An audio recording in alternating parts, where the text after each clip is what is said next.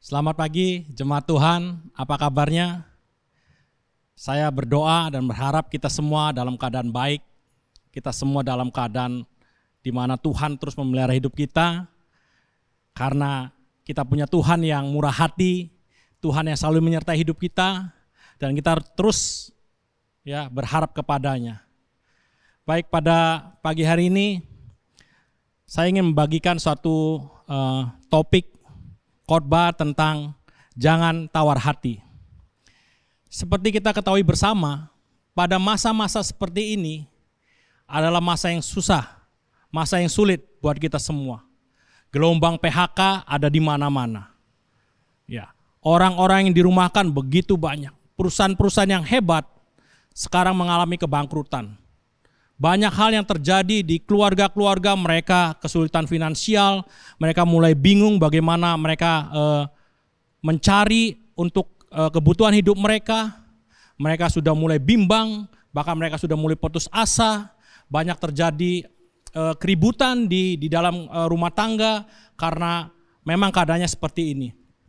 Oleh karena itu saya ingin membagikan bagaimana supaya dalam keadaan ini kita tidak menjadi tawar hati. Mari kita buka di Amsal 24 ayat 10. Saudara bisa buka di sana. Amsal 24 ayat 10 mengatakan, jika engkau tawar hati pada masa kesesakan, kecilah kekuatanmu. Di dalam NIV, di dalam bahasa Inggrisnya mengatakan, jika engkau bimbang, jika engkau goyah di dalam masa kesesakan, kecilah kekuatan kita.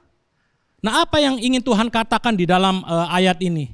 Tuhan ingin mengatakan supaya kita jangan menjadi orang yang putus asa. Kita tidak menjadi orang yang uh, goyah, yang cemas ketika keadaan seperti ini. Nah, apa itu tawar hati? Tawar hati adalah kondisi di mana hati kita sudah tidak bergairah, sudah patah semangat, hilang semangat, sudah tidak peduli lagi dengan sekitarnya. Itulah tawar hati. Ya. Dan kenapa itu terjadi? Itu karena ada kekecewaan di dalam hidup kita. Dan itu adalah suatu puncak kekecewaan sehingga kita menjadi tawar hati. Saudara, semua mungkin, ya saya tidak tahu ya, pernah mengalami apa yang namanya tawar hati. Saya tidak tahu ya apakah semua, tapi uh, saya melihat banyak orang Kristen yang hidupnya tawar hati. Ya. Bahkan suami istri sudah tidak saling berbicara lagi. Anak-anak sudah tidak punya respek lagi terhadap orang tuanya. Ya, di dalam ke, ke, keluarga itu yang terjadi. Di dalam jemaat banyak juga yang tawar hati. Ya. Di dalam kehidupan orang Kristen banyak juga yang mengalami tawar hati. Nah saudara, saya ingin mengatakan begitu bahayanya apa yang namanya tawar hati. Karena kalau ini tidak cepat-cepat dipulihkan, kalau ini tidak cepat-cepat diselesaikan, kita akan menjadi orang yang putus asa. Kita akan menjadi orang yang frustasi. Kita akan menjadi orang yang apatis. Kita akan menjadi orang yang jauh dari Tuhan. Kita bahkan menjadi orang yang terhilang. Ya. Itulah sebabnya saya memberanikan diri pada pagi hari ini membagikan tentang tawar hati. Kenapa? Sama seperti Rasul Paulus mengatakan, "Aku tahu apa itu kekurangan, apa itu kelimpahan. Tidak ada rahasia lagi di dalam hidupku. Rasul Paulus mengatakan, aku tahu tentang semuanya itu. Demikian juga aku boleh mengatakan aku tahu apa itu tawar hati. Kenapa? Karena aku melihat, karena aku pernah merasakan dan aku pernah mengalaminya. Oleh karena itu aku memberanikan diri untuk membagikan tentang apa yang namanya tawar hati kepada jemaat Tuhan di mana pun engkau berada. Saudara, seperti yang tadi saya katakan, saya pun pernah mengalami apa yang namanya tawar hati. Ada masa-masa di mana hati saya tidak bergairah. Kehilangan semangat. Ya, badan di gereja, ya. Kita bisa tepuk tangan memuji Tuhan, tetapi pikiran kita, hati kita tidak ada di dalam gereja. Ya. Ada masa-masa belasan tahun yang lalu saya pernah mengalami apa yang namanya tawar hati. Yang saya pikirkan adalah saya mulai memikirkan jam berapa harus main tenis karena saya dulu suka main tenis. Dan saya mulai melihat orang-orang yang datang. Kapan bisa menghubungi setelah kebaktian, apa yang harus diobrolkan, itu yang yang yang terjadi. Saya sudah tidak mengalami gairah lagi. Apakah saya komsel? Saya komsel. Tapi saya sudah tidak ada semangat lagi. Nah, kenapa saya bisa tawar hati? Ini adalah kesalahan saya. Kenapa saya tawar hati dulu belasan tahun yang lalu? Karena waktu itu saya pengen dihargai, ingin dihormati, ya. Itu sifat dasar manusia, ya. Ingin dihargai, ingin dipuji, ingin dihormati. Nah, pada waktu yang lalu saya begitu banyak melayani Tuhan. Saya memegang semua pelayanan, hampir semua pelayanan dalam gereja saya pegang. Dan ada masa-masa di mana ketika itu saya mulai membandingkan diri saya dengan orang lain. Ya. Ada masa di mana loh, kok saya banyak melakukan hal-hal yang baik di dalam gereja, ya. Kok orang lain yang mendapat kehormatan? Orang lain yang dihargai. Ini tidak fair buat saya. Ini tidak adil buat saya. Ya. Terus terjadi hari demi hari, hari demi hari. Akhirnya membuat saya kehilangan gairah, kehilangan semangat untuk melayani Tuhan. Hidup semakin ya biasa-biasa aja, sudah tidak ada gairah lagi. Dengan berjalannya waktu saya belajar. Wow. Rasa hormat itu datang dengan sendirinya. Tidak perlu kita mengejar rasa hormat. Tidak perlu kita mengejar untuk dihargai. Itu akan datang dengan sendirinya. Jadi saya belajar terus, belajar terus. Bagaimana saya tahu untuk merendahkan hati. Ya. Dengan demikian orang juga tahu bagaimana mereka menghormati saya. Jadi saya tidak kejar itu. Saya melakukan hal-hal yang mulai dipulihkan, dipulihkan, dipulihkan. Dan bukan cuma sekali saja saya mengalami tawar hati. Ya. Saya juga kalau saya renungkan beberapa waktu yang lalu, rasanya mungkin saya bisa dua kali saya pernah tawar hati dan dan itu terjadi beberapa waktu yang lalu, kira-kira mungkin setahunan yang lalu atau beberapa eh, 8 bulan 10 bulan yang lalu. Saudara orang yang menjadi tawar hati, hidupnya tidak pernah bisa berdampak buat orang lain. Bahkan hidupnya akan menjadi beban buat orang lain. Ya. Itulah sebabnya kenapa Tuhan mengingatkan Joshua ya. Di dalam Yosua 1 ayat 9b Tuhan mengatakan janganlah kamu kecut dan tawar hati karena aku Allahmu menyertai engkau ke mana pun engkau pergi. Jadi yang ingin saya katakan janganlah engkau takut Janganlah engkau gentar, janganlah engkau tawar hati di dalam masa kesesakan. Karena kita percaya dan kita tahu bahwa kita punya Tuhan yang menyertai ke mana pun kita berada. Amin. Ya. Nah, ini beberapa hal yang ingin saya bagikan tentang bagaimana kita bisa keluar dari apa yang namanya tawar hati. Ya. Yang pertama adalah serahkan semua beban dan andalkan Tuhan. Kita tidak bisa mengandalkan diri kita kalau kita sudah tawar hati. Dan juga kadang kita tidak bisa mengandalkan orang untuk memulihkan hidup kita. Hanya satu-satunya Tuhan yang sanggup memulihkan kita dari rasa tawar hati. Datang kepadanya. Kita punya Tuhan yang selalu membuka tangannya lebar-lebar. Welcome bagi semua orang. Welcome bagi semua anak-anak yang mau datang kepada Bapaknya. Matius 11 ayat 28 mengatakan, Yesus mengatakan, marilah kepadaku semua yang letih lesu dan berbeban berat. Ya, aku akan memberi kelegaan kepadamu. Nah, ini adalah bagaimana kita mau datang kepada Tuhan.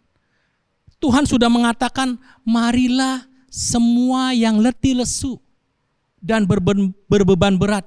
Marilah semua yang tawar hati dan putus asa. Aku akan membalut lukamu, aku akan memulihkan hidupmu, dan aku akan membangkitkan engkau menjadi seorang pejuang dan seorang pemenang. Tuhan membuka dirinya sedemikian rupa dan kita diberikan kesempatan untuk datang kepadanya. Mazmur 37 ayat 5 mengatakan, serahkanlah hidupmu kepada Tuhan dan percayalah kepadanya. Dan ia akan bertindak. Saudara bagian kita tidak perlu memaksakan dengan kekuatan kita. Tidak perlu memaksakan dengan kehebatan kita. Tidak perlu memaksakan dengan kepandaian kita. Karena ada masa-masanya. Semuanya itu tidak berarti atau tidak membantu sama sekali untuk memulihkan hidup kita dari rasa tawar hati, dari rasa putus asa. Yeremia 17 ayat 7 mengatakan diberkatilah orang yang mengandalkan Tuhan, yang menaruh harapannya kepada Tuhan. Diberkatilah orang yang mengandalkan Tuhan, yang menaruh harapannya kepada Tuhan. Itulah janji-janji Tuhan. Kita harus pegang semua janji Tuhan. Ya, Mazmur 91 ayat 15, kenapa saya ingin banyak katakan ayat-ayat firman Tuhan? Saudara banyak janji Tuhan. Banyak yang Tuhan katakan dalam firman-Nya itulah kenapa sebabnya saya sering kali mengatakan datang kepada Tuhan, bacalah firman Tuhan, di situ akan banyak janji Tuhan, janji-janji Tuhan, pegang janji Tuhan. Di situlah ada pengharapan timbul, ada iman yang dibangkitkan.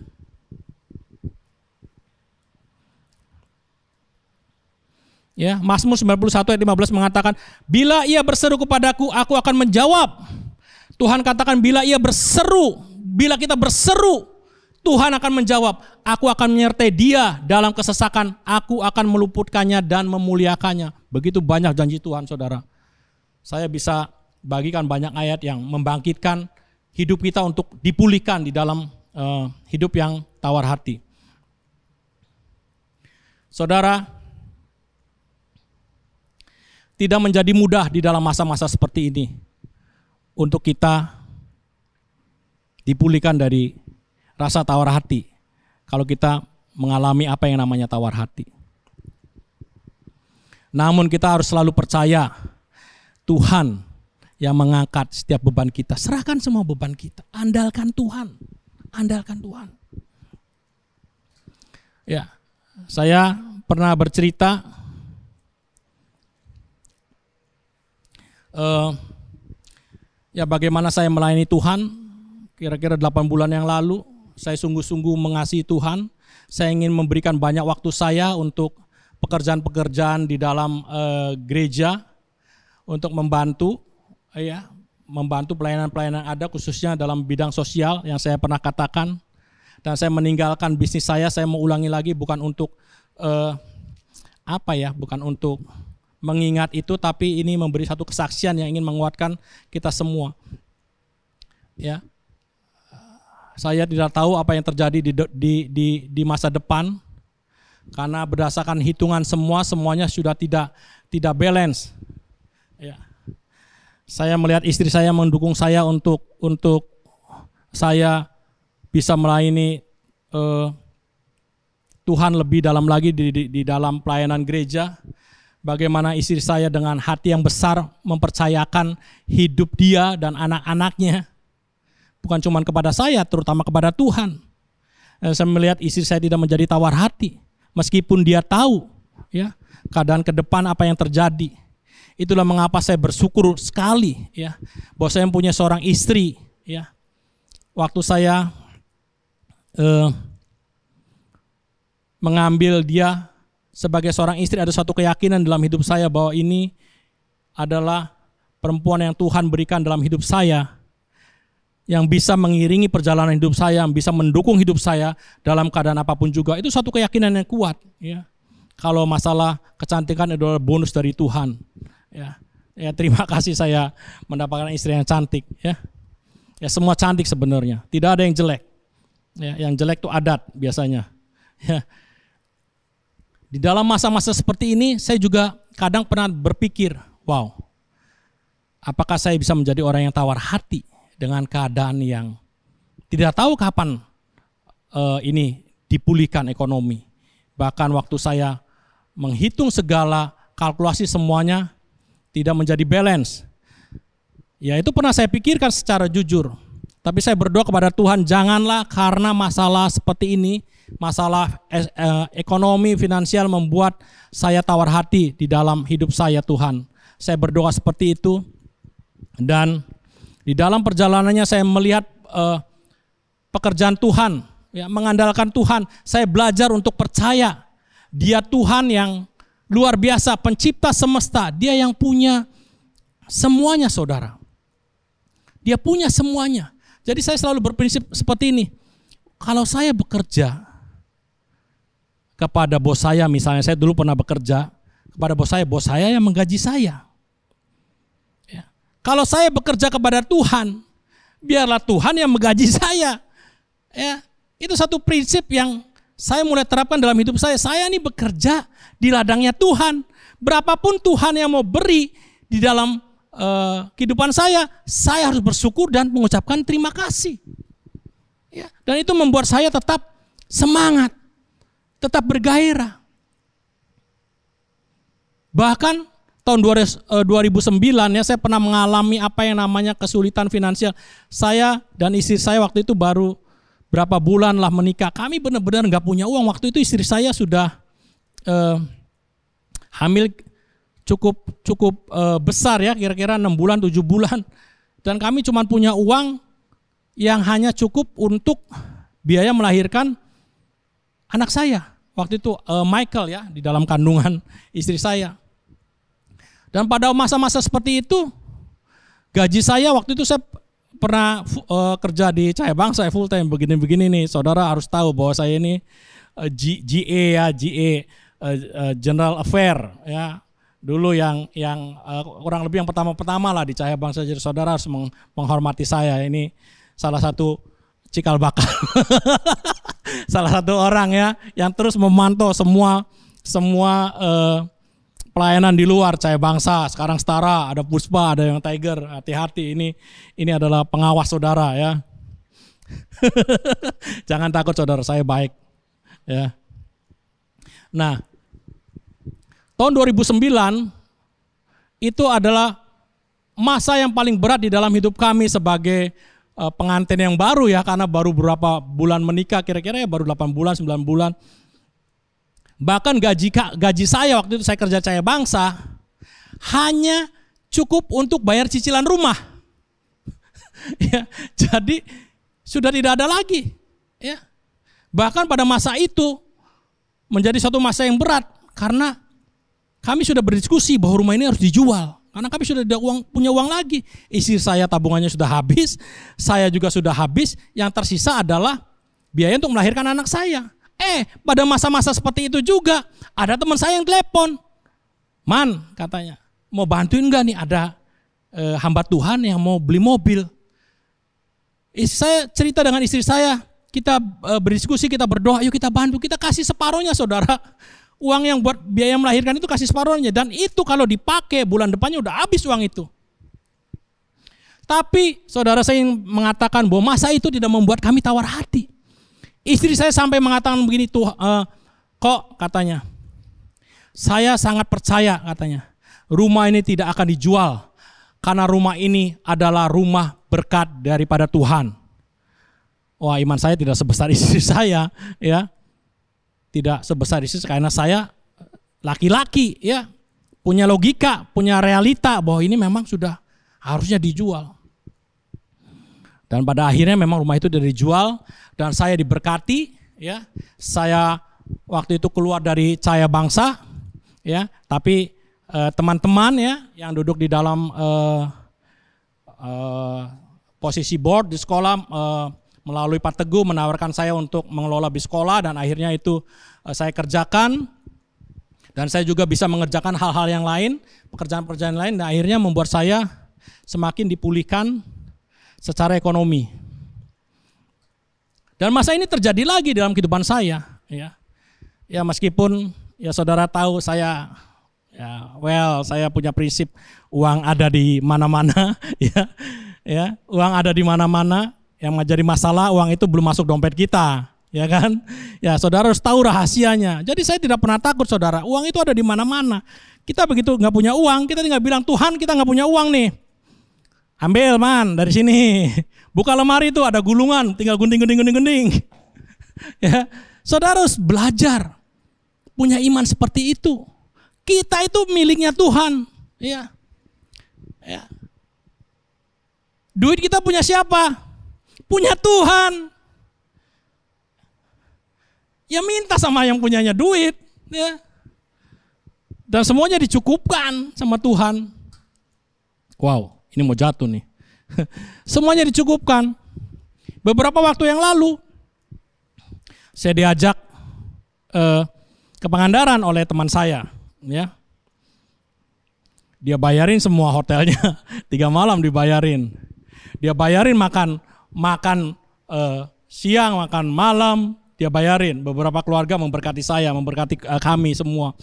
Bahkan uh, di satu malam saya bicara sama istri saya, waktu di Pangandaran saya bilang, saya tuh udah lama nggak pengen makan, eh nggak pernah makan lobster. Saya bilang, udah lama banget, makan pun paling secuil. Saudara tahu, untuk hal ini pun Tuhan bisa perhatikan. Besoknya saya di, di eh, kami semua pergi makan ke satu pantai, ya Mandasari kalau nggak salah, yang khusus eh, jualan-jualannya tuh tentang lobster. Saudara tahu, saya makan lobster sampai lima biji. Wow, sampai sesuatu seperti itu pun Tuhan perhatikan. Saya makan lima biji loh. Kira-kira mungkin hampir sekilo. Ya saudara sekilo tahu uh, lobster berapa. Nikmat sekali. Nikmat sekali.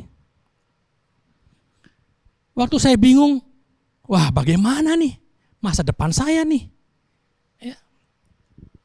Eh, minggu kemarin ada yang kasih ke saya transfer masuk. Eh, gue mau berkatin lu nih. Uangnya cukup tuh. Kalau dibeliin beras, minyak, ya mie dan lain-lain lah. Beli ikan di pasar, beli ayam di pasar, beli babi di pasar, ya. Itu cukup buat satu bulan. Puji Tuhan. Tuhan kita baik, jangan pernah khawatir. Saya kerja, ya, kepada Tuhan. Tenang saja. Meskipun kadang sebagai manusia saya berpikir, ya, saya berpikir, waduh gimana nih ke depan. Ya, belum apa-apa, Berapa hari yang lalu ada yang telepon. Eh, saya dikasih dua malam nginep di hotel di Jakarta, di Kuningan hotel yang bagus, tanggal 1 sampai tanggal 3. Wow. saya sampai bingung. Waduh. Apa yang perlu saya tawar hatikan lagi dalam keadaan seperti ini? Meskipun dunia sepertinya bisa membuat saya tawar hati. Tapi karena saya mengandalkan Tuhan, saya belajar percaya terus kepada Tuhan, ya. Ya bersyukur saya tidak tawar hati. Ya. Yang kedua, bagaimana supaya kita bisa keluar dari tawar hati? Terus melangkah dalam iman dan pengharapan. 1 Yohanes 5 ayat 4 mengatakan, Sebab semua yang lahir dari Allah mengalahkan dunia. Dan inilah kemenangan yang mengalahkan dunia, iman kita. Yang korbannya juga namanya iman. iman sebiji sesawi aja bisa apa, memindahkan gunung, apalagi iman segede begini. bisa mengalahkan dunia. Ya. Tawar hati itu datangnya dari dunia, ya. Apa yang mengalahkan tawar hati? iman kita, pengharapan kita. Saya senang dengan uh, kebaktian minggu kemarin ya, anak-anak muda ya, talk show next generation ya, tech apa next generation. ya, mereka punya pengharapan, ya, mereka punya visi. Itu yang membuat kita bertahan ya atau membuat kita dipulihkan dari rasa tawar hati kalau kita mengalaminya. Ada suatu pengharapan. ada suatu iman yang kita pegang, ya kan? Roma 5 ayat 5 mengatakan dan pengharapan tidak mengecewakan karena kasih Allah telah dicurahkan di dalam hati kita oleh Roh Kudus yang telah dikaruniakan kepada kita.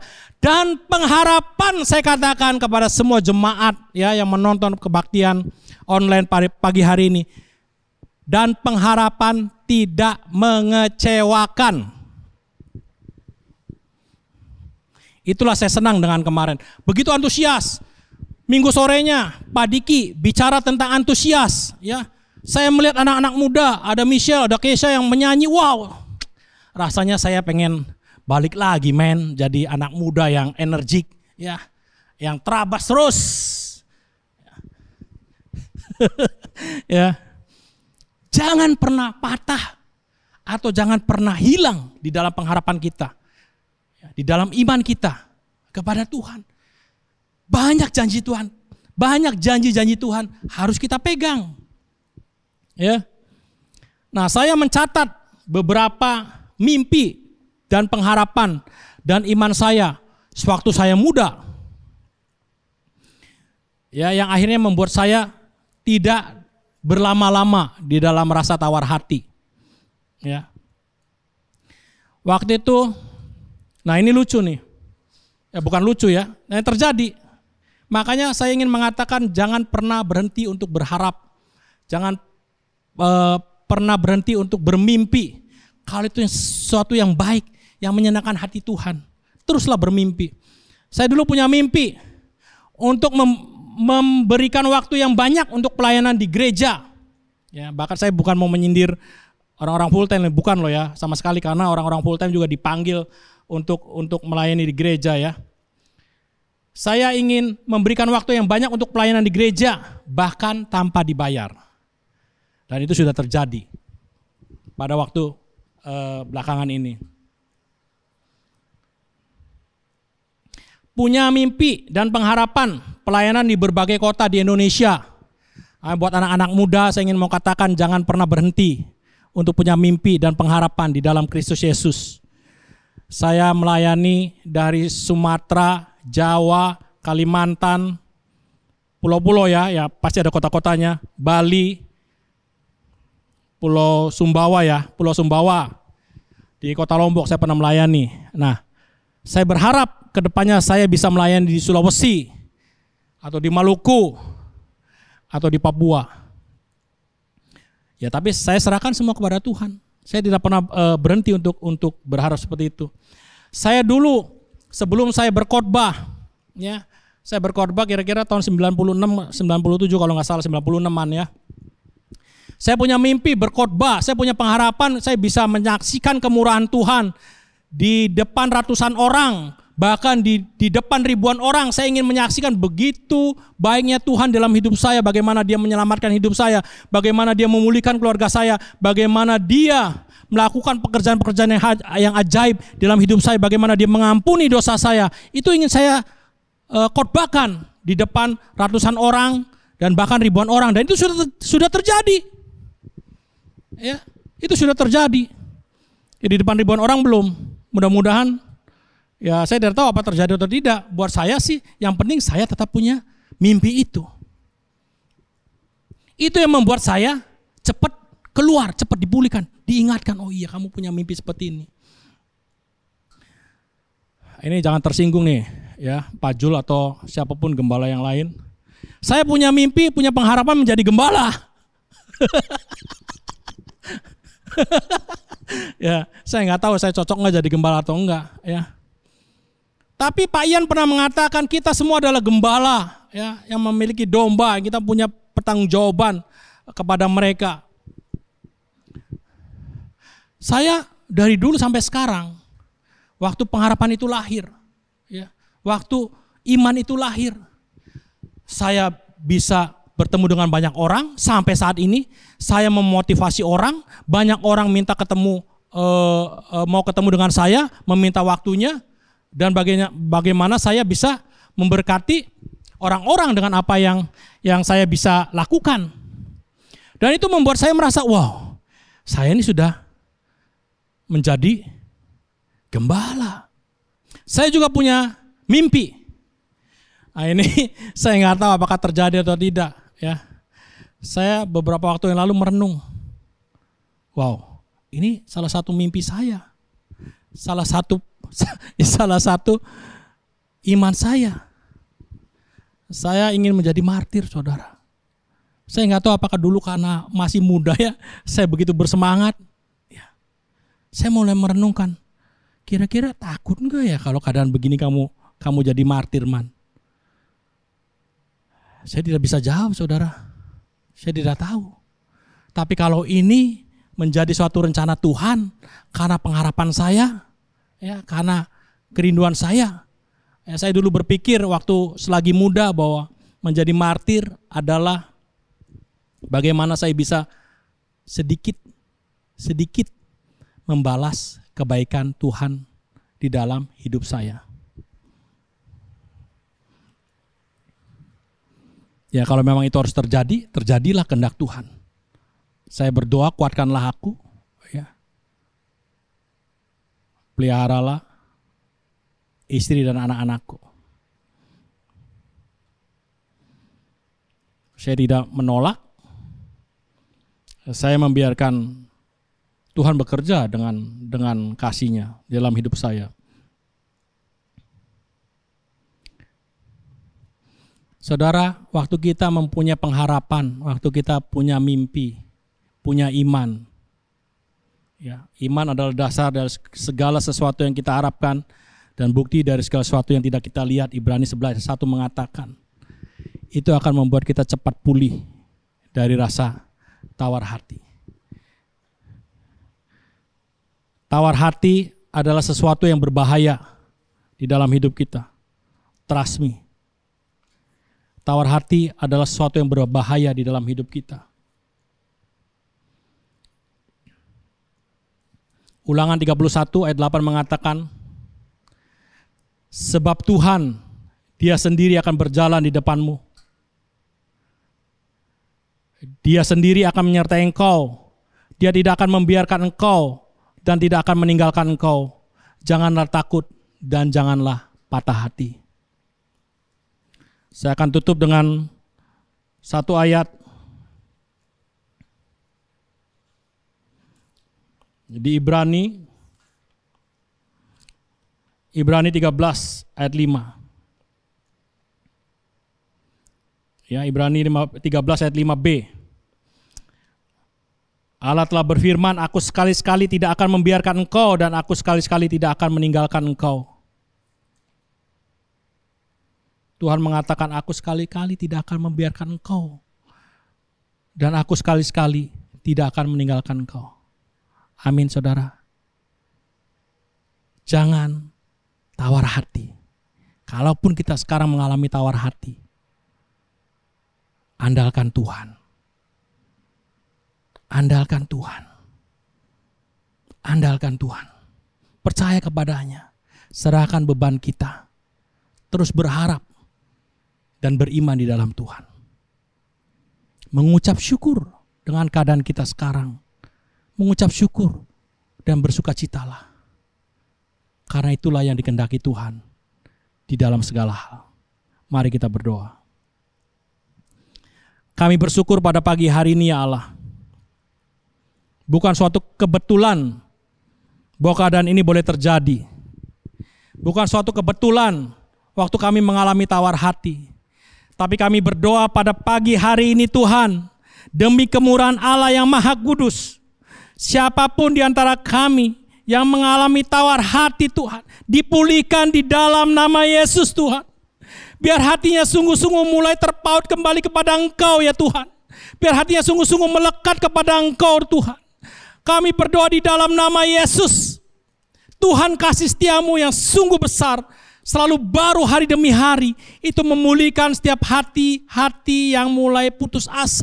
Hati-hati yang mulai patah semangat, hati-hati yang mulai apatis, hati-hati yang sungguh-sungguh sudah tidak bergairah lagi ya Tuhan, membuat kami ya Tuhan sudah kehilangan hara. Kami berdoa pada pagi hari ini dalam nama Yesus. Bangkitkan kembali antusias kami di dalam Engkau. Bangkitkan kembali antusias gairah kami untuk melayani Engkau, untuk melayani sesama kami Tuhan. Terima kasih Tuhan, kami berdoa di dalam nama Yesus Tuhan. Berkati setiap orang yang menonton kebaktian online pada pagi hari ini. Di dalam nama Yesus di mana pun Engkau berada, aku mau katakan, Engkau akan menjadi orang-orang yang hebat di dalam Tuhan. Engkau akan menjadi orang-orang pemenang.